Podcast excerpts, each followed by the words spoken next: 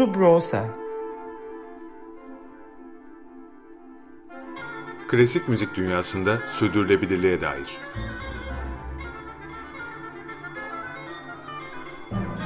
Hazırlayan ve sunanlar Zafer Yenal ve Yaren Eren Budak.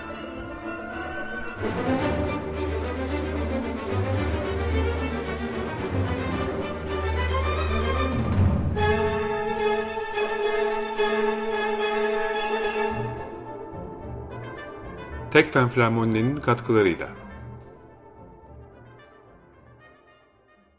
95.0 Açık Radyo'da Subrauza'yı dinliyorsunuz. Ben Zafer Yenal, Yaren Eren Burak'la birlikte bu haftada sizlerle birlikte olduğumuz için e, çok mutluyuz. Programımızda klasik müzik dünyasının sürdürülebilirliğine dair meseleleri konuşuyoruz biliyorsunuz. Bugünkü bölümümüzde bu dünyanın geleceğini ilgilendiren belki de en önemli konulardan birisini tartışacağız konuklarımızla. Klasik müziğin yarını sürdürülebilirliği için bu müzik türünün üretiminin devamı kadar klasik müziğin talep görmeye devam etmesi de bir o kadar kritik. Peki bu talebin devamının önündeki engeller, e, sorun alanları neler? Dinleyicilerin tarafından konuya yaklaştığımızda birkaç meselenin özellikle öne çıktığını görüyoruz. Birinci konu klasik müziği anlamakla ya da klasik müziğin anlaşılmasıyla alakalı diyebiliriz. Bu konu aslında bir dinleyicimizin bir sorusuyla gündeme geldi bizim için. Soru da e, şuydu. E, müziğin önemli bir paydaşı olan dinleyicilerin klasik müziği anlayarak ama daha iyi anlayarak dinleyebilmeleri için diğer paydaşlar ne yapmalı? Başka müzik türleri için belki de çok aklımıza gelmeyecek bu anlama sorunsalının klasik müzikte kendini hissettirmesi bize e, ne söylüyor? E, belki de sorması, sor, sorulması gereken soru bu. New York Times'ın baş müzik eleştirmeni Anthony e, Tomasi'nin yıllara dayanan tecrübesiyle yaptığı bir tespit aklımıza geldi hemen e, bu soruyu duyunca. E, Tiyatro ya da dans gibi diğer gösteri sanatlarının aksine konu klasik müziğe gelince insanların çoğunun klasik müziği anlamak, onun tadına varmak için bu sanat hakkında bilgi sahibi olmanın bir ön şart olduğunu düşünürlermiş. Halbuki diyor ki Tomasini, e, bu deneyimde öyle bir şey yok. Bu bir sınav değil. Bilakis bir kaçış, bir macera, bir zenginlik ya da zenginleşme. Evet, e, Thomas'ın dediği bu. Biz e, biraz daha e, meseleyi açalım isterseniz. E, Subroza'da klasik müziğin elit ya da elitist bir sanat dalı olup olmadığı sıklıkla sorgulandı. Daha önceki programlarımızda olmadığı, olmaması gerektiği yönünde birçok düşünce ifade edildi. Ama bir yandan da neticede ilk günlerinden itibaren bu türün yani klasik müziğin eserlerinin çoğu farklı ülkelerin özellikle Avrupa ülkelerinin başta ve çoğunlukla diyelim Avrupa ülkelerinin siyasi ve ekonomik elitleri için bestelendi. Saraylarda, kiliselerde icra edildi. Neyse e, konuyu dağıtmadan sadede gelelim. Bu anlama, anlaşılma probleminin ana damarlarından birisi klasik müzik ve elitlik, elitizm gerilimini oluşturuyor olabilir mi? Dolayısıyla e, klasik müzik nasıl dinlenmeli? Kulağımızla mı, kalbimizle mi, ruhumuzla mı, aklımızla mı yoksa hepsiyle mi? Öte yandan öyle bir gerçek var ki e, klasik müziğin sürdürülebilirliği açısından büyük bir aciliyet taşıyor. Geçtiğimiz haftaki bölümümüzde Sayın Cem Mansur'un da ifade ettiği gibi konser salonlarında beyaz saçlı dinleyicilerin sayısı giderek çoğalıyor. Evet e, sadece Türkiye'de değil hemen her yerde e, klasik müzik dinleyicisinin ortalama yaşı yüksek ve yükselmeye de devam ediyor. Bu konuda neler yapılabilir? Kuşu, kuşaklar arası farklılıkların klasik müzik dünyasına yansımaları yine bugün konuşacağımız ana başlıklar arasında. Kısacası bugünkü bölümümüzün odağına müziği anlamayı ya da alımlamayı diğer bir ifadeyle anlayarak kabul etmeyi alıyor. Müziğin zihninde notaların ilk canlandığı andan itibaren e, bestecinin yani çıktığı uzun yolculuğun son noktasına yani dinleyicinin kulağına odaklanacağız bugün. Canlı ya da radyoda, CD'den ya da e, Spotify'dan müziği dinleyen e, dinleyicinin kulağına. İki değerli konuğumuzla bu konuları konuşacağız. İkisi de çok genç ve genç yaşlarına rağmen çok önemli başarıların sahibi olmuşlar daha şimdiden. Bir icracı, müzisyen, diğeri mesle, e, besteci, akademisyen. Evet, Bugün konuklarımız Can Çakmur ve Yunus e, Gencer olacak. Hemen ilk konuğumuzu size daha ayrıntılı tanıtalım. 1997 yılında doğan Can Çakmur piyanoya Leyla Bekensir ve Ayşe Kaptan ile başlamış. 2012 yılında Ankara'da sürdürdüğü lise eğitiminin yanında Paris'teki e, Şola Kantorium'a kabul edilip Marcella Crudeli ile çalışmış. 2014 yılında bu okuldan en yüksek not ile e, biraz burada Fransızca işin içerisine giriyor. Benim çok parlak olmadığım bir alan. Diplom de virtüözite diyelim. Virtüözlük diplomasını alıyor. E, 2014 yılında bu okuldan e, ve e, 2012 yılından itibaren e, aralarında Alan Weiss, Eri Vardy, Claudio Martinez Menher, e, Mehner, e, Leslie Howard ve Robert Levin'in de bulunduğu pek çok e, değerli sanatçıyla e, çalışıyor Can. Ve halen de e, eğitimine Hochschule für Musik e, Franz Liszt e, Weimar'da e, Gregory Guzman ve Belçika'da Diane Anderson ile devam ediyor. E, Can e, dünyada Japonya'da dahil e, dört bir yanında dünyanın konserler vermiş prestijli festivallerde e, boy göstermiş. International Classic Music Awards, Uluslararası Klas, e, Klasik Müzik Ödülleri'nin 2021 yılının genç sanatçısı ödülüne de e, layık görülmüş. Bizi de gururlandırmış oldu böylece. E, bir yandan da yine belki de kaydetmemiz gereken Can'dan bahsederken e, uzunca bir süredir de Andante e, Klasik Müzik Dergisi'nde e, yazılar yazıyor. Klasik müzik hakkındaki düşüncelerini, gözlemlerini okuyucularıyla paylaşıyor. Evet, e, Can Çakbur'la yaptığımız söyleşiye kulak veriyoruz. Can hoş geldin programımıza. Çok mutluyuz bugün seninle konuştuğumuz için. Evet Can hoş geldin. Hoş bulduk. Aynı şekilde ben de bu davet gelince o kadar sevindim ki çok mutluyum burada olmaktan. ee, yani bu, bu konuyu seninle tartışacak olmak, konuşacak olmak, senin düşüncelerini alacak olmak e, çok heyecan verici. Seni keşfedecek olmak çok güzel. Sana ilk sorum biraz kişisel bir soru olsun. Nasıl bir dinleyicisin? Yani bir, bir e, iyi bir icracının iyi bir dinleyici olmama ihtimali yoktur herhalde. Biraz dinleme pratiklerinden, rutinlerinden bahsetmek ister misin? Belki belki bir zamansal bir çizgi de çizebilirsin bu konuda. Yani eskiden şöyleydi, şimdi böyle. Na, nasıl arayüzlerden dinliyorsun örneğin? CD, plak, kaset dinler misin? Yoksa Spotify'dan mı dinliyorsun müziği? E, bize fikir verir misin bu konuda? Ya aslında çok güzel bir noktaya değindin. Bana zaman için değişimde, değişimden söz etme kapısını açarak.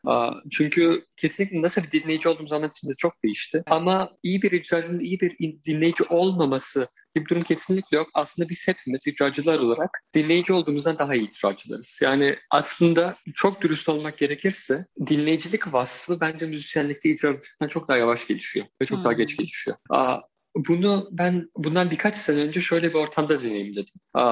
Bir ustalık sınıfındaydım. Çok değer verdiğim bir piyanist Claudio Martinez diye. Çok değer verdiğim bir piyanist, müzisyen Claudio Martinez'in ustalık sınıfında. Orada zaten az kişiydik, 6-7 kişi. O yüzden herkes birbirini çaldıklarını dinliyordu. Evet. Eseri de hatırlıyorum bu arada. Tchaikovsky birinci piyano konçertosu. Claudio'nun elinde nota yoktu. Bunu özellikle vurgulamak istiyorum. Ve orada işte arkadaşımızın çaldığı performansın bir yerinde durdurup ya özür dilerim 64. ölçüden tekrar alabilir misin lütfen dedi. Şimdi bir müzisyenin elinde nota olmadan ölçüleri sayabilmesi bir müzisyenin gözünde. Biz orada birbirimize baktık. Gözlerimiz fantaş gibi açıldı. Çünkü bu normal bir dinleme yöntemi değil. Yani burada konser dinleyen herhangi bir müzisyeni çıkartıp şu anda kaçıncı ölçüsüz diye sorduğunuzda cevap verecek insan sayısı çok zor. Yani herhalde bir elin parmaklarını geçmez. Burada biz hepimiz profesyonel müzisyenler olarak gözlerimiz fal taşı açıldı nasıl olur diye sorduk kendimize. Daha sonra bundan sonraki yıllarda bu anı ve bunun gibi pek çok şey arada o hafta boyunca olan benim peşimi bırakmadı. Ben a, nasıl böyle müzik dinlemeye, başlay dinlemeye başlayabilirim düşüncesi a, hep kafam bir tarafındaydı. Aynı sıralarda benzer bir tecrübe daha yaşadım. A, yine olağanüstü müzisyen Robert Levin bir verdiği bir lecture'da, bunu internetten izledim. Bir eserin ilk 6-7 ölçüsünü duyduğu zaman o eserin formunu, şeklini, uzunluğunu, işte hangi tip ve kaç tane modülasyon olacağını duyabildiğinden söz ediyordu. Tabii bu inanılmaz üstün bir durum. Yani düşünsenize bir Mozart konçertonun ilk 15 saniyesini duyuyorsunuz ve Mozart konçertonun bu ilk 15 tanesini duyduktan sonra da evet bu yaklaşık 12 dakikalık bir bölüm olacak. Bu bölümde de şu tonalitelere modülasyon bekliyorum diyorsunuz. Ve bu noktada işte bu dediğim gibi bu arayıştaki bu seviyeye ulaştım ya da herhangi bir ulaşabileceğim bile iddia edemiyorum burada. Çünkü bu çok çok üstün bir durum. Yani Robert Levin'in özellikle a, bu meziyeti. Ama a, bunun çok yakın içinde kaç tane müzik eserini bildiğimizde bu eserlerin noktasını virgülünden hani nerelerde nefes alındığını, nerelerde nokta olduğunu, nerelerde karakter değiştiğini ne kadar bildiğimizle çok yakında alakalı olduğunu fark ettim. Dolayısıyla bir noktadan sonra insan bunu düşünmemeye başlıyor. İşte tamam bu parçayı ben şunlarla karşılaştırıyorum, şu parçalara benziyor. Dolayısıyla böyle olmalıdır, bu otomatikleşiyor. Dolayısıyla dinlediğimiz anda ha evet bu böyledir. Ve genellikle de bu da doğru çıkıyor. Bir konserde hiç bilmediğim parçayı dinlerken bunu fark ettim ve çok da mutlu oldum bu arada. İşte hangi frazın kaç ölçü olduğunu, hangi frazın nasıl şekillendiğini duyabildiğim zaman. Ama dediğim gibi bu hani meziyet diyeyim. Kaç yıldır piyano çalıyorum? Şu anda herhalde 16 yıldır falan piyano çalıyor olmalıyım. Yılın sonunda gelişmiş meziyet. O yüzden diyorum çok daha yavaş geliştiğini düşünüyorum bu dinleme becerisini. Onun dışında dinlediğim araçlar konusunda seçici olduğum bir dönem daha vardı. Daha ziyade bu lisedeyken işte yeni müzikleri keşfetmeye başladığımda olacak en güzel ses kalitesi olsun işte şu yorum olsun bu yorum olsun diye çok titiz olduğum dönemler vardı. Daha sonraki süreçte bunun tam tersi yola gittim. Sıklıkla telefonun hoparlöründen müzik dinliyordum. Hala dinlerim ara ara. Yorumcunun kim olduğunu da hiç önemi yoktu. Önemli olan müzik olsun. Aa, şu anda ikisinin ortasında bir şey aa, noktadayım sanırım. Çünkü telefonun hoparlöründen dinlediğimde bazı detayları müzikte kaçırdığımı fark ettim. Yani sonuçta polifonik müzikten söz ediyoruz. O yüzden hala Spotify'dan dinliyorum. Öyle lossless ya da FLAC formatındaki streaming servislerin hiçbirine abone değilim. Ama kaliteli kulaklıklar aldım.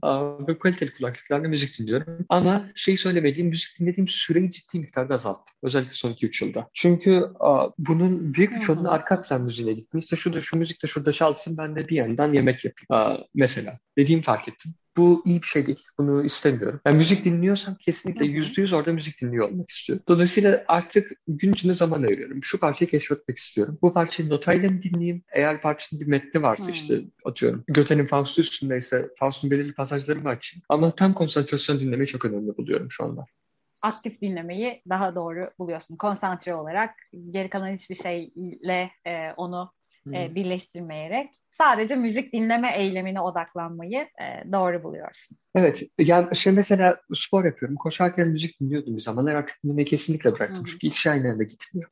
Aa, ama burada doğru yanlış çok fazla diyemeyeceğim. Yani bu çünkü kişisel bir durum. Tabii. Yani beni sadece bu durum rahatsız etmeye başladı. Hı. Sanki konsantre olmam gereken bir şey yapamıyormuşum gibi. Can benim şöyle bir sorum var. Ee, şu ana kadar bahsettiklerim profesyonel bir dinleyici olarak yani bir yandan icracı bir yandan da e, dinleyici olarak deneyimlerini bizimle paylaştın. Daha amatör bir dinleyici açısından baktığın zaman bu bahsettiğin e, hani salt müziğe e, odaklanma mevzusunu da e, önemli buluyor musun? E, birçok ben de dahil olmak üzere birçok insan e, başka şeyler yaparken de dedin ya yemek yaparken müzik dinlemek, spor yaparken müzik dinlemek biraz e, yani sanki bu, bu tür bir müzik dinleme şeysi daha yaygın. E, bu sence şey mi? E, iyi bir klasik müzik dinleyicisinin yapmaması gereken dokuz kusurlu hareket içine girer mi gitmez Yani bunu o yüzden işte herhangi bir zorunluluk doğru yanlış skalasını oturtmak istemedim. Çünkü öyle bir skalanın olduğunu düşünmüyorum Aha. en basitinden. Ya sonuçta müziği hepimiz dinlemek istediğimiz gibi ve nasıl keyif alıyorsak öyle dinliyoruz ve bence bu her koşulda birinci koşul olmalı. Nasıl müzik dinlersek dinleyelim, hangi aletten dinlersek dinleyelim, hangi tip müziği seversek sevelim. Dolayısıyla ya orada kesinlikle bir nasıl klasik müzik dinlenir gibisinden bir hani on emir yazmak çok bence tamamen ters tepecek bir olay. Zaten baktığımızda hani eserlerin kendilerine baktığımızda bu eserlerin hangilerinin ya gerçekten pür dikkat dinlenmek için yazıldığını, hangilerinin daha ziyade belki dinlenmek için değil, sadece düşünülmek için yazıldığını, hangilerinde işte bir yerlerde çalsın arka plandan da dinle, duyalım diye yazıldığını kendimizi de sorgulamamız gerekiyor. Çünkü bence bu durumda çok şaşırtıcı sonuçlar alabiliriz. Ya şu anda pür dikkat konser salonunda evet bu parçaya yüzde yüz konsantre olmalıyız diye dinlediğimiz parçalardan bir kısmı aslında bir soylu evinde arka planda çalınması için yazılmış eserler olabilir. Bu durum bestecinin hoşuna gitmiyor da olabilir. Yani yani orada bir ikili ikilemin içindeyiz. Yani müziğin tarihsel olarak rolü neydi? Ne için bestelenmişti? Ama besteci bu eseri nasıl görüyordu? İkisi, bu ikisi arasında da bir fark olabilir. Diğer taraftan işte bu amatör izleyici hikayesine geri döndüğümüzde de ya biz sonuçta hepimiz amatör izleyicileriz. Yani pardon amatör dinleyicileriz. O anlamda bir profesyonel dinleyici olabileceğini düşünmüyorum. Burada söz ettiğim ölçü sayıları vesaire bunlar sonuçta daha ziyade notasyonla ilgili durumlar. Bir ve eğer enstrüman çalıyorsa bu terimlere tabii ki aşina olacaktır. Ama aslında müziğin doğasıyla çok fazla alakası olmayan şeyler. Bu müziğin müziği nasıl yazdığımızla alakalı. Dolayısıyla hani tabiri caizse amatör bir dinleyici hiç bu ölçü sayılarıydı, modülasyonlardı gibisinden teknik terimlere girmeden aynı şeyi aynı keskinlikte algılayıp bunu tamamen farklı terimlerle ifade ediyor olabilir. Ve bence bu müzisyenlik için bir ön koşuldur diyebilirim. Not okumak değil ama işte dinleyici olarak bunu yapabilmek. Hmm. Dolayısıyla da şu noktaya gelmeye çalışıyorum. Aslında dinleyici de bir müzisyendir noktasına gelmeye çalışıyorum. Ne anlamda? Aa, sonuçta ya bir müzik eserini düşündüğümüz zaman yani burada elimizde bir müzik eseri var. Bu müzik eseri seslendiriliyor hı hı. ve bu müzik eseri birileri tarafından algılanıyor. Algılayan kişi olmadan müzik eserinin ne kadar anlamlı olduğu tartışılabilir bence. Ya dolayısıyla hmm. bir müzik eseri ancak bize onu anlamlandırdığımız derecede anlamlıdır diyebiliriz. Şahane. Evet aslında müziğin dinlenilirliğini ve üretimini düşündüğümüzde bir üçgen var. Kompozitör, icracı ve dinleyici üçgeni. Bunlardan herhangi biri olmadığında müziğin yayılması, dolaşılabilirliği çok da mümkün olmuyor. Dolayısıyla çok haklısın. Dinleyicinin de bu halkadaki yeri çok önemli, çok sağlam. Kesinlikle. Peki bir icracı olarak dinleyicilerle nasıl bir etkileşim kurduğunu hissediyorsun? Yani bu sefer seni sahneye alalım ve dinleyiciler karşında dursun. Karşındaki dinleyicinin niteliği senin icranı etkiliyor mu? Nasıl etkiliyor? Aranızda bir etkileşim oluyor mu? Ya etkileşim olduğunu kesinlikle inanıyorum. Ama bu etkileşimi de çok olarak somut olarak aslında çok fazla kavrayamıyorum. Onu da söyleyebilirim. Hı hı.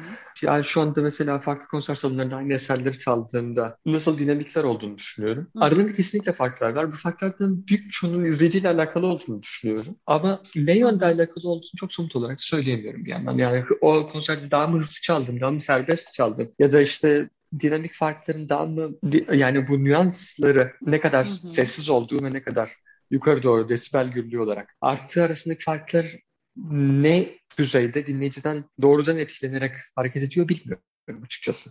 Ya o yüzden orada deyimlerinde birazcık metafiziksel bir şeyler oluyor mu diye sorgulamadan ne demiyorum. Ya sonuçta bu konuştuğumuz durum birazcık sözsüz iletişime giriyor. O yüzden buradan evet. aldığımız ve aslında bizim bir yandan subliminal olarak aldığımız mesajların burada rolü aslında çok daha büyük olabilir. Ya da burada tamamen bir aşırı yorum yapıyor olabilir ve bu daha ziyade çaldığımız mekan ve akustikle de alakalı olabilir. Yani o kişinin birbirinden ne derecede ayırmak mümkün veya değil bilemiyorum. Ama burada dinleyicinin her birinin konserde farklı bir tecrübeyle eve gittiğine eminim. Yani bu az önce söz ettiğimiz üçgen dolayısıyla. Hmm. Peki buradaki ilişki daha ziyade böyle daha rasyonel bir ilişki, daha akılla, daha maddi düzeyde giden bir ilişkiden ziyade belki de çok daha duygusal bir ilişki mi? Yani senin ve dinleyiciler arasındaki bir konser sırasında ya da konserden sonra bir kayıtla baş başa kaldığında dinleyicinin kurduğu ilişki? Yani benim açımdan bakıldığı zaman duygusal bir ilişki olduğunu eminim. Ya bazı zamanlar insan kendini o konser salonunda şey evindeymiş gibi hissediyor. O konser salonunun Aha. insanın sıcaklıkla karşıladığını hissediyor. O konser salonundaki izleyicileri kastediyorum da burada. bazen de belirli bir soğukluk, belirli bir mesafe. İşte bu konserde geldik, hadi bakalım müzik dinleyelim ve gidelim. Bir havasizliği de oluyor insan. O yüzden kesinlikle evet duygusal bir düzeyde. Ama dediğim gibi ya bunun da acaba müzik dinleme ve çalma tecrübesinde etkisi ne düzeydir bunu kestirmek çok zor. Yani en nihayetinde bir müzisyen için, en azından kendi adıma konuşuyorum. Konser en son o kadar da gizemli bir süreç değil. Aslında bir anlamda son derece doğrudan bir olgu. Hazırladığım, yorumlamak istediğim, bildiğim bir eseri oraya çıkartıp iyi bir tiyatro oyuncusunun bir rol yapması gibi o sahnede çalıyorum. Yoksa zaten bu bir seferlik bir yaratım hikayesi olsaydı aynı eseri ilk kez arka arkaya çalmak çok mümkün olmazdı. Ben yarattım da bitti. Hissi olurdu çünkü. Evet. Dolayısıyla yani o orada bir noktada bir müzisyenler olarak hatta birden çok noktada zanaatkarız aslında. Can peki tam burada mesela bu açıklamalı konserler e, falan konusunda ne düşünüyorsun? Özellikle hani burada senin daha sıcak baktığını söyleyebiliriz belki de. Buradaki geri bildirimler ya da bu konuya yaklaşımın nedir? Yani açıklamalı konserlere başladığımda ya bunun gidilmesi gereken tek yol olduğunu çok eminim. Açıklamalı konserler hmm. iz, kesinlikle müzik dinleme tecrübesini artıracak diye düşünüyordum. Ama gittikçe bu yaklaşık uzaklaşmaya başladım. Bazı programlar için iyi, bazı ortamlar için ve bazıları için de o kadar iyi değil noktasındayım şu anda. Nasıl deneyimler yaşadın? Yani iyi ve kötülere örnek evet. verebilir misin? Yani dinleyiciden farklı geri bildirimler geldi. Ya keşke konuşmasaydın sadece çalsaydın. Bugün sadece dinlemek isterdik. Gibi geri bildirimler geldiği oldu. Ha. Kendimi kendi böyle hissettiğim oldu. Ya keşke konuşmasaydım. Çok, çok çalmak istiyordum. Aa, dediğim de oldu. Ama daha ziyade bu çok yeni. Bu arada dün başımdan geçti. Aa, Japonya'daki turneler için iki tane farklı resital programı çalıyorum. Bunların ikisiyle de ilgili. Yazı yazmayı da sevdiğim bildiklerinden benden program notu istediler. Hı. Programlardan bir tanesi birazcık daha hani bestecilerin otobiyografik eserlerini içinde barındırıyor. Birazcık daha kişisel şeyler. Yani çok o kadar düşünsel bir program değil demeye çalışıyorum. Onunla ilgili yazmak çok kolaydı. Çünkü sonuçta orada belirli bir duygunun içinde olmak gerektiği için bu eserler için. Yani çünkü yazıcının çok belirgin, göz ardı edemeyeceğimizden de belirgin otobiyografik ögeler olduğu için bunlar yazmak çok daha kolaydı. İşte burada Schubert'in Amacor sonatı vardı. Sonuçta yani Schubert'in işte Frank hastalığıyla beraber oradaki mentalitesi ne olduğunu mektuplarını, arkadaşlarının yazdıklarını aşağı yukarı biliyoruz. İşte Schumann'ın Kayseriyanis vardı. Yine oldukça otobiyografik değerli taşıyan bir eser. Schönberg son bir keza öyle. Başka programda yine benzer eserler. Brahms vardı, Schubert vardı gibi diğer programda ki eserlerin böyle bir otobiyografik bağlantısı çok fazla yok. Tabii ki yani yaşamlarıyla şöyle ya da böyle bağlantılarım çok daha düşünsel eserler. Ve program notu yazmak o kadar zordu ki bu programı. Ya e, o ikinci programı açıklamalı konser yapmayacağıma neredeyse eminim. Çünkü o, bu kadar kişisel, bu kadar müzikal düzeyde olan bir ifadeyi söz düzeyine taşıyıp işte bu müzikte böyledir deyip bir kutuya kap hapsedip insanları da bunu hayal etmeye zorlamak istemiyorum. Yani açıklamalı konserler biraz karşıdaki dinleyiciyi, dinleyicinin hayal gücünü belki sınırlıyor. O müziğin ona geçirebileceği hisleri belki bir yere kanalize ediyor. Kesinlikle. E, dolayısıyla senin anlattıklarını onların bilmemesi bazen daha iyi. Bazı durumlarda evet. Eserden esere bağlı oluyor. Çok çok çok güzel bir tespit. Çok çok şaşırttı bu tespit beni.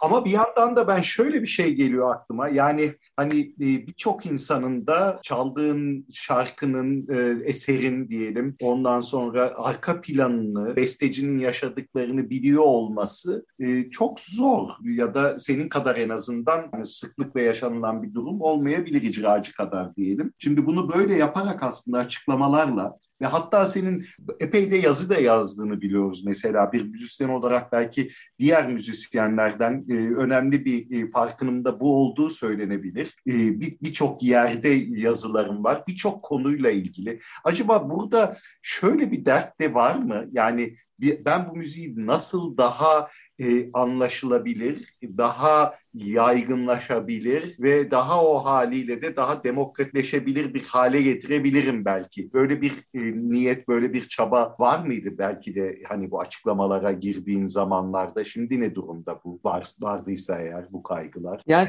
şu, şu, müzikal anlayışa dair görüşlerim birazcık değiştiğini düşünüyorum bu süre içinde. Ya, çünkü tabii bize müzik eğitiminde de bu durum böyle. Genel olarak söylenen belirli bir hiyerarşik düzen var en nihayetinde besteci bir eseri hayal eder.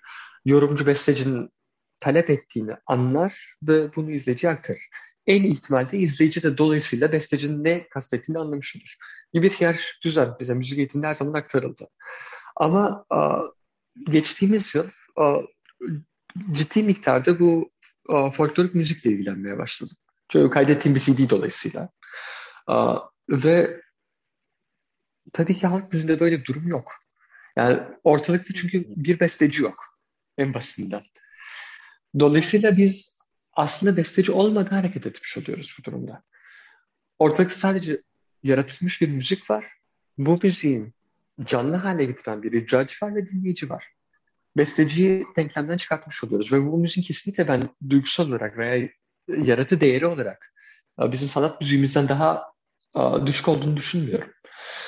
Dolayısıyla durum böyle olduğu zaman çok da olarak şöyle bir soru belirdi kafamda.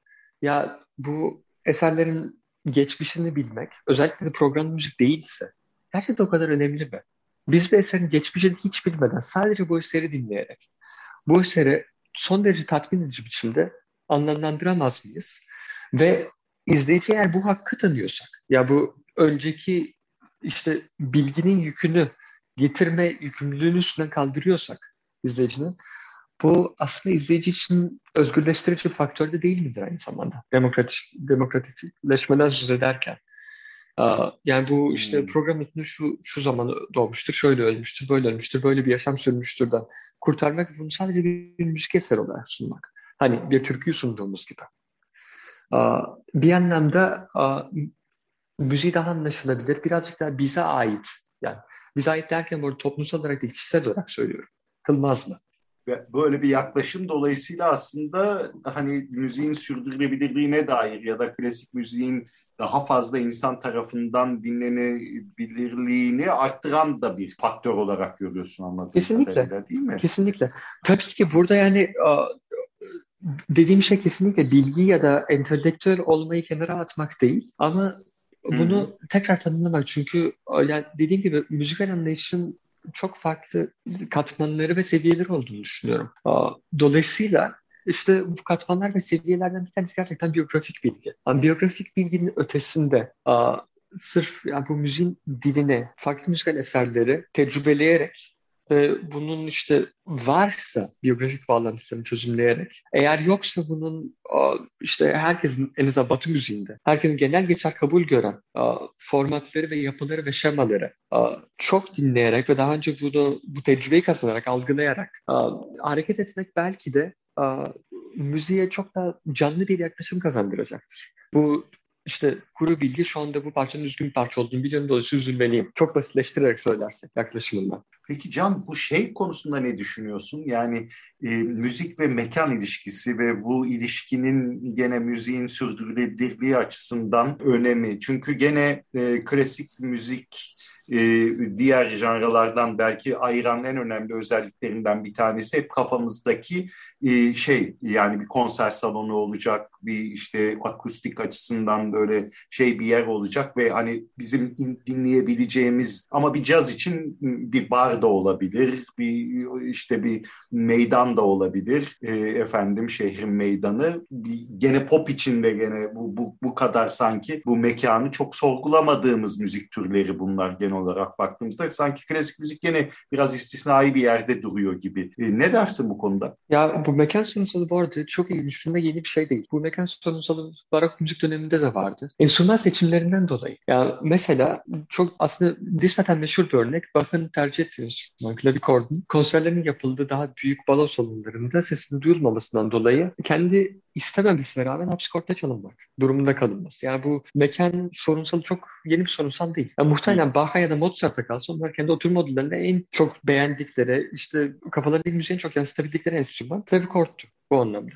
Ve bu klavikort toplumsal anlamda çalınmaya da ne yazık ki hiç uygun değildi. Klasik müzik içinde aslında benzer bir durum var. Birincisi konser salonlarımız inanılmaz büyük şu anda. Dolayısıyla da konser salonlarının büyüklüğüne ve ne kadar fazla izleyici alması gerektiği ölçüde de enstrümanlarımız da bu yönde evrilmiş durumda. Enstrümanlar bu yönde evrilirken ses kalitesini korumak adına işte konser salonu akustiği, insanların sessiz oturması vesaire gibi bir çemberin içine girmiş durumdayız. Ama çaldığımız müziğin ne kadar büyük bir çoğunluğunun aslında küçük mekanlarda seslendirilmek üzerine yazıldığını düşündüğümüzde aslında bir yandan da oturma odası müziği ya da salon müziği olduğunu düşündüğümüzde tabii bu müziği aldığımızda muhtemelen biraz değişecektir. Ya kaç dinleyicinin bu parçaları aynı anda dinleyeceğini, dinlemesinin hayal edildiğini, işte Chopin Mazurka'yı mesela. Düşündüğünüzde bu müziği aldığınızda birazcık değişiyor. Öte yandan düşün, bir Mahler Senfoni'ye baktığımızda konser sonu tabii ki muhteşem bir ortam. Çünkü ya orkestra burayı işte bütün bu ses volümü hacmiyle doldurarak a, insanın muazzam bir tecrübe yaşatıyor. Ama bir Mozart konçerto için acaba bu doğru ortamda? A, ya da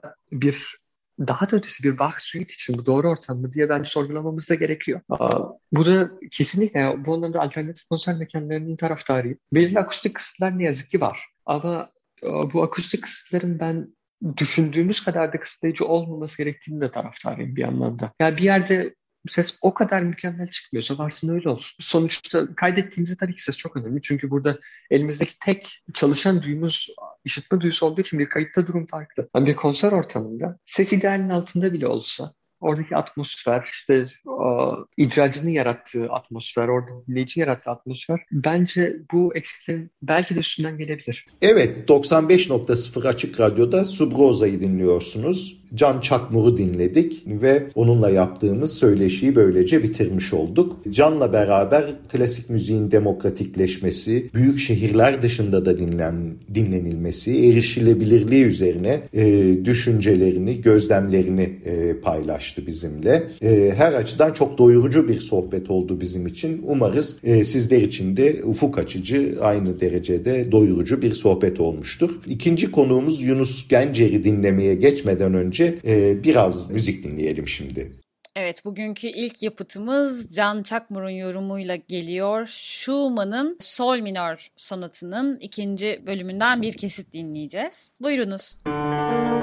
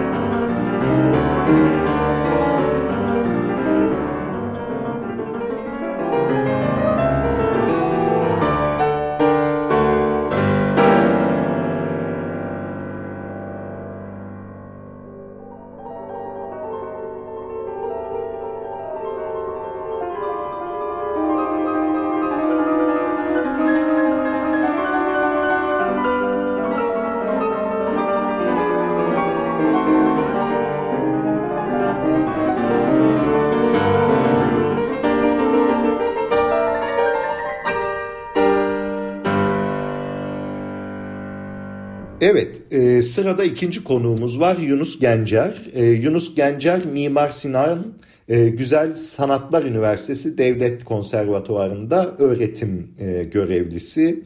Yıllar önce 3 senede ve birincilikle bitirdiği okuluna da böylece e, e, yıllar sonra hoca olarak geri döndüğünü anlıyoruz.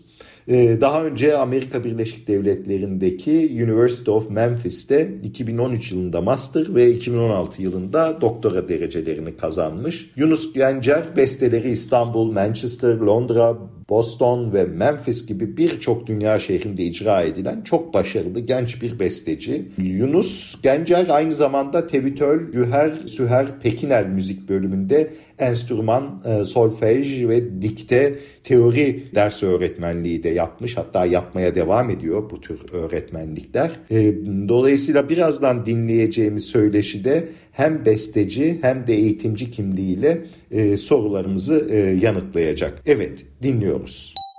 Yunus Bey hoş geldiniz. Hoş geldiniz. Hoş bulduk. Merhaba. Ee, bugün programımızda dinleyicilerimizden bir tanesinin de isteği olan klasik müzik dinleyicisi nasıl olunur, klasik müzik nasıl anlaşılır, anlayarak dinlenilir gibi bir konuyu konuşacağız ve buna yönelik bir takım soruları da size yöneltiyor olacağız. Şöyle başlamak istiyorum Yunus Bey. Siz nasıl bir dinleyicisiniz? Kendinizi nasıl yetiştirdiniz bir dinleyici olarak? Nasıl aşamalardan geçtiniz? Belki yani müzikle ilk karşılaşmanızdan bugünkü karşılaşmalarınıza kadar ki süreci şöyle bir özetleyebilir misiniz? Tabii ilk şöyle bir en en en eskiye gittiğimde herhalde çocuk şarkılarıyla dinlemeye başlamışımdır. Hepimiz de herhalde belli oranda olduğu gibi. Ee, anaokulunda şarkı söyleyerek işte değişik müsamerelerde belki e, küçük korolar böyle minik korolarımız vardı onu hatırlıyorum. Ee, böyle bir süreçle herhalde ilk başta tanıştım e, şarkı söylemekle. Sonra e, 6 yaşında kendim e, mırıldanarak Tabii ne nota biliyorum ne e, piyano, org hiçbir şey yok evde. Mırıldanarak beste yapmaya başladım. Hatta e, ilk bestemin şeyde dünya diye bir şeydi. Bu dünyada hep mi savaşlar olacak diye bir şeyi vardı. Sözleri vardı.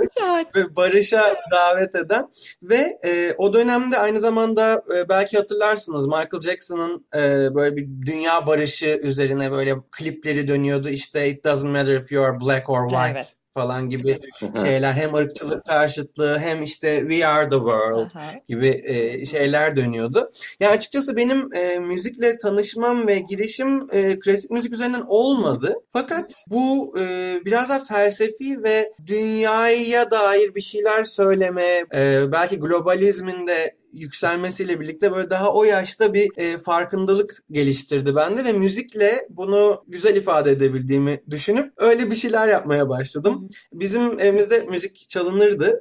Ee, ama e, dediğim gibi yani klasik müzik çok sık dinlenmezdi açıkçası. E, fakat sonra Almanya'dan e, kuzenlerimiz var Almanya'da işte daha önceden yerleşmiş bu şeylerle gidenler yani 50'lerde falan giden değil de daha böyle e, akademik bağlamda e, oraya gidip sonra da şu anda da tekrar Türkiye'de yaşayan kuzenlerimiz var. Onlar bana böyle minik bir CD yollamışlardı. Çok küçücük yani böyle normal CD'nin bilmiyorum ona ne dendiğini şu anda hatırlamıyorum ama minik CD böyle dört track var, dört e, parça vardı içinde. Evet. Bir Handel, iki Bach, bir tane de Beethoven vardı yanlış hatırlamıyorsam artık çok eski bir tarih bu ama oradan ilk defa klasik müzikle e, tanıştım. E, ondan sonra yavaş yavaş e, şeye doğru e, evrildi. Bir de bir şey daha söylemeden edemeyeceğim. Çocuk, yani ben çok küçükken çocuk yaşta hemen bilgisayarım olmuştu. E, a, sanırım 3-4 yaşlarında Amiga gelmişti ve orada Pirates diye bir oyun vardı. E, bir yani ya o CD duyduğum ilk klasik müzik ya da Pirates'ta yani korsan oyununda e, şey çalardı. Bol bol e, işte Bach, Goldberg varyasyonları çalardı. Değişik değişik e, varyasyonlardan böyle MIDI kayıtla böyle kötü MIDI kayıtlarla. Bugün konuşabiliriz belki o kayıt konusunda konuşacağız belki. e, ama orada da böyle bir duyum edinme şansım oldu ve çok hoşuma gitmişti. Sonra yavaş yavaş oradan işte bu iş nasıl profesyonel yapılabilir, nasıl e, notalar daha doğru bir şekilde öğrenilebilir, ne, ne enstrüman çalabilirim. Bunlar üzerine yavaş yavaş şekillenmeye başladı e, müzik kariyerim diyebilirim. Peki bu sizinle Yunus Bey, sizin tecrübeniz sanırım biraz da genelleştirilebilir bir tecrübe. Yani birçok insan klasik müzikle biraz daha geç bir aşamada tanışıyor herhalde. Öyle. Değil mi? Bu da bir, belki de klasik müziğin yaygınlaşmasında, alımlanmasında diyelim hatta kimilerine göre böyle daha elit bir müzik türü olması olarak görülmesinde bir e, unsur, bir faktör olarak belki düşünülebilir. E, siz ne diyorsunuz bu konuda? E, hem neden bizim genel olarak tanışmamız e, daha geç zamanlarda oluyor klasik müzikte ve e, bu da e, şeyi besleyen e, bu tür bir klişe mi diyelim yoksa gerçek mi diyelim hani e, klasik müziğin elitist bir müzik türü olduğuna dair e, görüşü besleyen bir durum mudur? Ne düşünürsünüz? Um, şöyle bir şey e, ilk etapta şeyi söylemek isterim. Aslında klasik müzik birçoğumuzun hayatında e, bir şekilde var. Yani herhangi bir reklamda artık hiçbir telif hakkı olmadığı için değişik çok önemli klasik müzik bestecilerinin besteleri rahatlıkla duyuluyor. Araba reklamlarında oluyor. Yani atıyorum cips reklamında bile rahatlıkla duyabilirsiniz. Coca-Cola kullanır, şu kullanır, bu kullanır. Yani birçok marka e, telif hakkı ödemek zorunda olmadığı için ve çok hani İngilizcesi substantial böyle nasıl diyelim kallavi eserler olduğu için o melodiler akılda da kalıcılıkları olduğu için belli e, şekillerde bunları e, markalaştırarak kullanıyorlar. O yüzden klasik müzik ilk etapta bence reklamlarla ve Hollywood'la e, filmlerle aslında yoğun bir şekilde hayatımıza giriyor ama buna klasik müzik demek mi gerek lazım yoksa e, postmodernizm bağlamı içerisinde sulandırılmış ve böyle artık posası kalmış bir hani şey mi demek lazım orası tabii ki tartışılır. E, ama sonuçta klasik müzik diye bir kavram oluşturacak. Onun bir yerinden tuttuğunu söylemek zorundayız bunu. E, bu elitlik, elit elitizm konusuyla ilgili ben bir açık yapıt workshop'una katılmıştım. Atölyesine katılmıştım. E,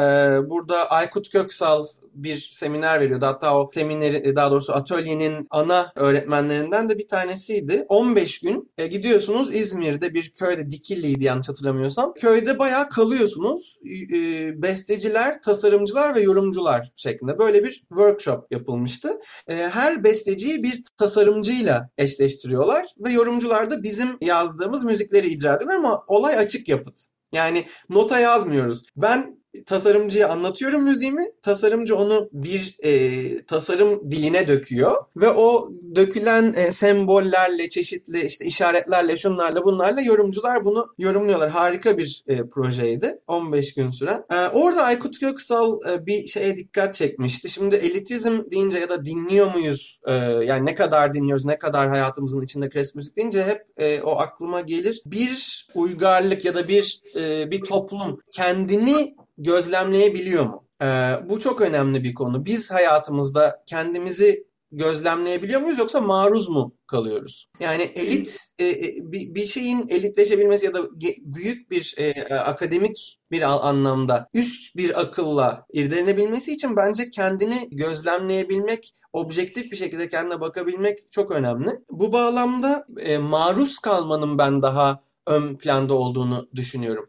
Yani bu deminki konuyla da biraz e, bağdaştıracağım. E, bilinçli bir dinleme e, yapmaktansa daha çok maruz kalıyoruz. E, bilinçli dinleme ya- yapmayınca da bir şeye bilinçli, objektif bakmayınca burada elitizm de oluşamıyor. E, yani elitizm aslında belki de e, şey yapmamız gereken, yani ona ulaşmaya çalışmamız gereken, yani her toplumun belli oranda ulaşmaya çalışması gereken bir bir kavram, bir alan ama genelde hep aşağılanarak ve şey olarak bakılıyor. Biraz da çağın da getirisiyle e, yerilerek bakılıyor. Yani elitist, niye elitist takılıyorsun, ne oluyor gibi. E, halbuki e, gerçekten çok derin anlamlara ulaştıktan sonra elitleşebiliyorsunuz ve çok ciddi emek sarf etmek gerekiyor. E, ama e, yine çok konuyu belki dallanıp budaklandırıyorum ama burada yine ekonomik durumlar da çok önemli. Yani toplumun çok büyük bir kısmı ciddi ekonomik sorunlar yaşarken tabii ki gidip de bir eserin analizini sokaktan geçen birine anlattığınızda umurunda olmayacaktır. Yani çok ciddi sosyolojik e, bir yansıması da var aslında bu e, konuştuğumuz konuların. Peki klasik müzik nasıl dinlenmeli? Yani e, olay e, bir kulak meselesi midir yoksa kalp midir, ruh mudur, akıl mıdır? E, bunların hepsi mi sürecin içerisinde olmalıdır? Ne dersiniz e, Yunus Bey? Ee, yine kimin dinlediğine, ne amaçla dinlediğine göre değişiyor. Örneğin dini bir şeyi ele alalım. Mesela Batı dünyasında kiliselerde, katedrallerde sıklıkla klasik müzik varlığını sürdürüyor ve çok ciddi bir yer kaplıyor. Şimdi oraya giden bir insan belki klasik müziği bir byproduct yani yan ürün olarak deneyimliyor. Çünkü asıl amaç orada dini şeyi belki hissetmesi. Ha giden belki seyircilerin yarısı o dini nasıl diyelim e, öğretiye maruz kalmak üzerine gidiyor ama yarısı da belki sadece müziği dinlemeye gidiyor. Tam da bilemiyoruz tabii ki ama ne amaçla müziğe yaklaştığınız adına ciddi bir değişim gösteriyor. Burada yine ister istemez yani her konunun içine e, böyle bir şey gibi nasıl diyelim yılan solucan gibi girdiği şekilde yine postmodernizmden ve modernist yaklaşımlardan bahsetmek gerektiğini düşünüyorum. Yani klasik müzik nasıl dinlenmeli sorusuna e, tek bir hedefle cevap vermek için 1950-60'larda belki ya da yani öyle bir modernist şeyin e, dogmatizmin içinde yaşasak belki çok daha ce- rahat cevap verebilirdik ama o kadar hızlı dönüşen bir dünyadayız ve o kadar eklektik bir dünyadayız ki siz e, dışarı çıktığınızda arabadan ciddi bir gümbürtüyle İbrahim Tatlıses geçiyor. Sonra konser salonuna gidiyorsunuz, e, bir bah dinliyorsunuz. Eve eve döndüğünüzde de yemeğinizi hazırlarken bir Miles Davis açıyorsunuz. Şimdi bir, bir, bir o sırada ezan duyuyorsunuz arkadan. Ha, bir de poli yani artık eklektisizmin bu kadar üst üste geçtiği yapıda e, şeyden bahsetmek de o yüzden mümkün değil. Nasıl dinlenme? Yani biz gerçekten e, çok daha fazla maruz kalan e, durumunda oluyoruz bu e, yapıda. Ama benim e, tabii ki profesyonel yaklaşımımı soracak olursanız e, tabii ki benim için kulak bir araç ama akıl daha ön planda e, diyebilirim. E, bu şey demek değil ama yani kulağı önemsemiyorum ya da ruhu önemsemiyorum, kalbi önemsemiyorum. Böyle bir şey yok. Yani hep yüzdelerle hareket etmek lazım. Şahsen e, benim için e, akıl bir tık daha önde geliyor. O e, şeyleri oranları şöyle bir e, makinede eğer oranlarsam bir pastadan pay verirsem akıl bir tık daha önde geliyor. Çünkü şunu fark ettim. Ben bir eserden etkilendiğimde aslında eserin konusu veya e, mesela bir operayı ele alayım. Operadaki ana karakterin ölmesi çok fazla beni etkilemiyor. Bağlantı kurmuş olabilirim olmayabilirim ama oradaki yaratıdaki o magnificence yani o ihtişam ve yaratıdaki emek e, ben kendimle müzik yazdığım için biliyorum. Yani belki 10 ölçü 15 ölçü yazıyorsunuz bazen nefes nefese kalıyorsunuz. Çünkü e, sizin sizden bir parça gidiyor esere onu hissediyorsunuz. Bu, hmm. bu bağlamda bestecinin ne kadar ciddi bir iş yaptığını aslında onun dilinden, bestecinin dilinden konuşabildiğim için çok daha iyi anlıyorum. Belki bu bağlamda herkesin biraz bestecilikle uğraşması lazım ki bestecinin nelerle yani nasıl büyük iş e, başardığını daha iyi idrak edebilmesi için. E, ama örneğin mesela e, Dido ve Eneas operasını ben çok severim. Hatta ilk operayla e, barışmamı sağlayan eserdir. Henry Purcell'in eseri. Orada şeyi fark etmiştim. Eser tamam çok güzel. Konu da benim mitolojik bir konu. Yani mitolojiyi çok seviyorum zaten. Her şey e, bende bir karşılık buluyor. Fakat gözümden yaşlar gelmeye başladı bir bir aryada ve o son arya değil bu arada. Herkes o sonda genelde ağlar. Ben orada orada değildi. Böyle ikinci e, Maiden aryası diye bir şey vardır. Orada şeyi fark ettim. Yani o kadar iyi bir şekilde bir araya getirilmiş ki komponentler yani elementler ve ustaca tasarlanmış her şey e, doğru miktarda verilmiş. E, baharatı tam, işte yağı doğru konmuş, ısısı tam. Çok güzel bir yemek pişiyor ve bunun bu mühendislik gibi adeta böyle çık çık çık bir araya getirilmesinden çok etkilendiğimi fark ettim. Yani herkes herkes farklı e, şekilde dinliyor ve idrak ediyor eseri sanırım. Dediğim gibi yani arabada dinlerseniz bambaşka şeylerle uğraşırken belki daha farklı e, dinlersiniz ama e, tek bir cevap vermekten kaçınmamız gerektiğini düşünüyorum açıkçası bu konuya. Müzikle o kadar da temas etmeye gerek olmaksızın dışarıdan bakan bir insanın bile müziği anlaması aslında bizim arzuladığımız, merak ettiğimiz, peşinde durduğumuz şey şu anda. Yani yani biraz daha aslında benim kafamda şey canlanıyor. Hani mesafeli bir ilişki canlanıyor dinlemek deyince daha doğrusu müzisyen olmayan birinin dinlemesi deyince bu mesafe nasıl daha da kısalabilir? Ee, nasıl bir müzisyen ve bir müzisyen olmayan kişinin dinleme pratiği birbirine yakınlaşabilir? O iletişim nasıl daha yoğun hale gelebilir? Bir konuşuyoruz gibi hissediyorum. Ee, biraz onun peşinden evet. gidiyoruz gibi hissediyorum. Siz peki aynı zamanda bir eğitmen olarak öğrencilerinize dinlemeyi öğretiyor musunuz? Böyle bir şey mümkün mü? Daha doğrusu dinlemek öğretilebilir bir şey mi? E, derslerinizde ya da sohbetlerinizde bunun konusu geçiyor mu? Ee, ben şu anda mesela e, seçmeli müzik teorisi dersini veriyorum. Lise 3 ve lise 4 sınıflarımda. Ee, bunlarda 3 tane beste teslimi e, şeyi kurdum. Ee, biz e, bir müfredat hazırlıyoruz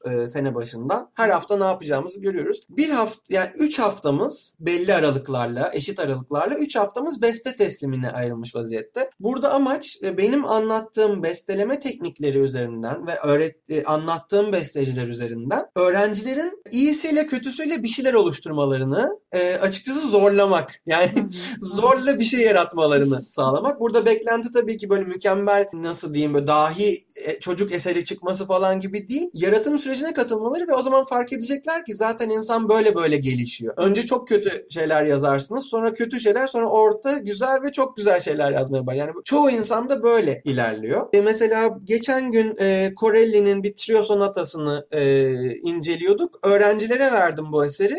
Öğrenciler bir hafta sonra çalıştılar, geldiler.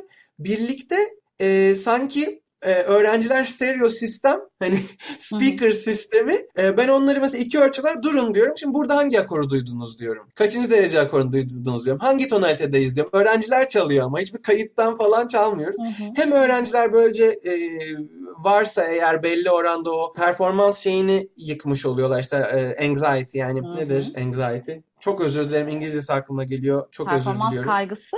Kaygı yani o evet stres. Ha, stres evet. O stresi şey yapma, yapmış oluyorlar. Çünkü interaktif bir e, diyalogda şunu fark ediyorlar. Aa ben hani ya çalan ya da çalınan değilim ya da din, maruz kalan dinleyen değilim. Hı-hı. Ha bir dakika arası varmış. Ben çalıyorum bak onlar iki akor söylüyor. Bak şimdi biraz daha çalıyorum. Ben mesela tek ses tutuyorum. Bu sesin ne olduğunu soruyor hoca. Yani Hı-hı. böyle ilginç bir interaktif şey oluyor. E, etkileşim oluyor. Hem çalan hem dinleyen için, öğrenciler için çok güzel bir evet, böyle bir evet. pratik bir şey olduğunu hissettim bunun da. 95.0 Açık Radyo'da bir Subroza programının daha sonuna gelmiş olduk böylece. Bugün önce e, piyanist e, Can Çakbur'dan e, daha sonra e, besteci ve akademisyen Yunus Gencer'den klasik müziğin geleceği hakkında e, yaptığı değerlendirmeleri dinledik. Klasik müziğin erişilebilirliği, anlaşılırlığı, popülerliği bugünkü programımızın e, ana konu e, başlıkları arasındaydı. Oldukça oldukça düşündürücü bir program olduğunu en azından biz düşündük. Ee, umarız e, sizler için de öyle olmuştur ve dinlerken elbette zevk de almışsınızdır. Ee, şimdi sırada bugün programımızın e, son eseri var. Evet ne dinliyoruz Yaren'cim? Bugünkü kapanış yapıtımız Yunus Gencer'in bir bestesi olacak. Onun solo keman için bestelediği bir yapıt 19 e, Divok 91 Eser e, Gedik Sanat'ın pandemi dönemindeki projesi olan Sözsüz Günlükler için yazılmış bir e, eser. Birazdan duyacağınız üzere alışıldık keman sesinden farklı bir e, tını veren bir keman sesi duyacağız. Çünkü bilindik keman akordunun dışında bir akort sistemi için yazılmış bir yapıt bu. Kemanda Önder Baloğlu var. Haftaya pazar günü tekrar buluşuncaya kadar herkese şahane bir hafta diliyoruz şimdiden. Sağlıklı, mutlu ve bol müzikli. Hoşçakalın. Hoşçakalın.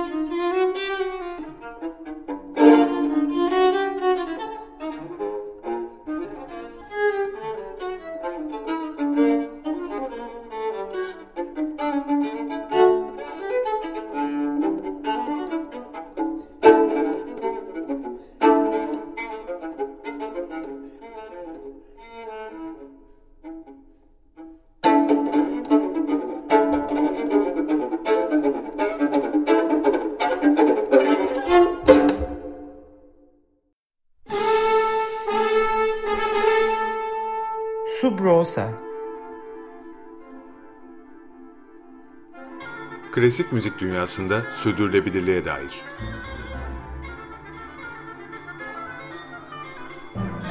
Hazırlayan ve sunanlar Zafer Yenal ve Yaren Eren Budak.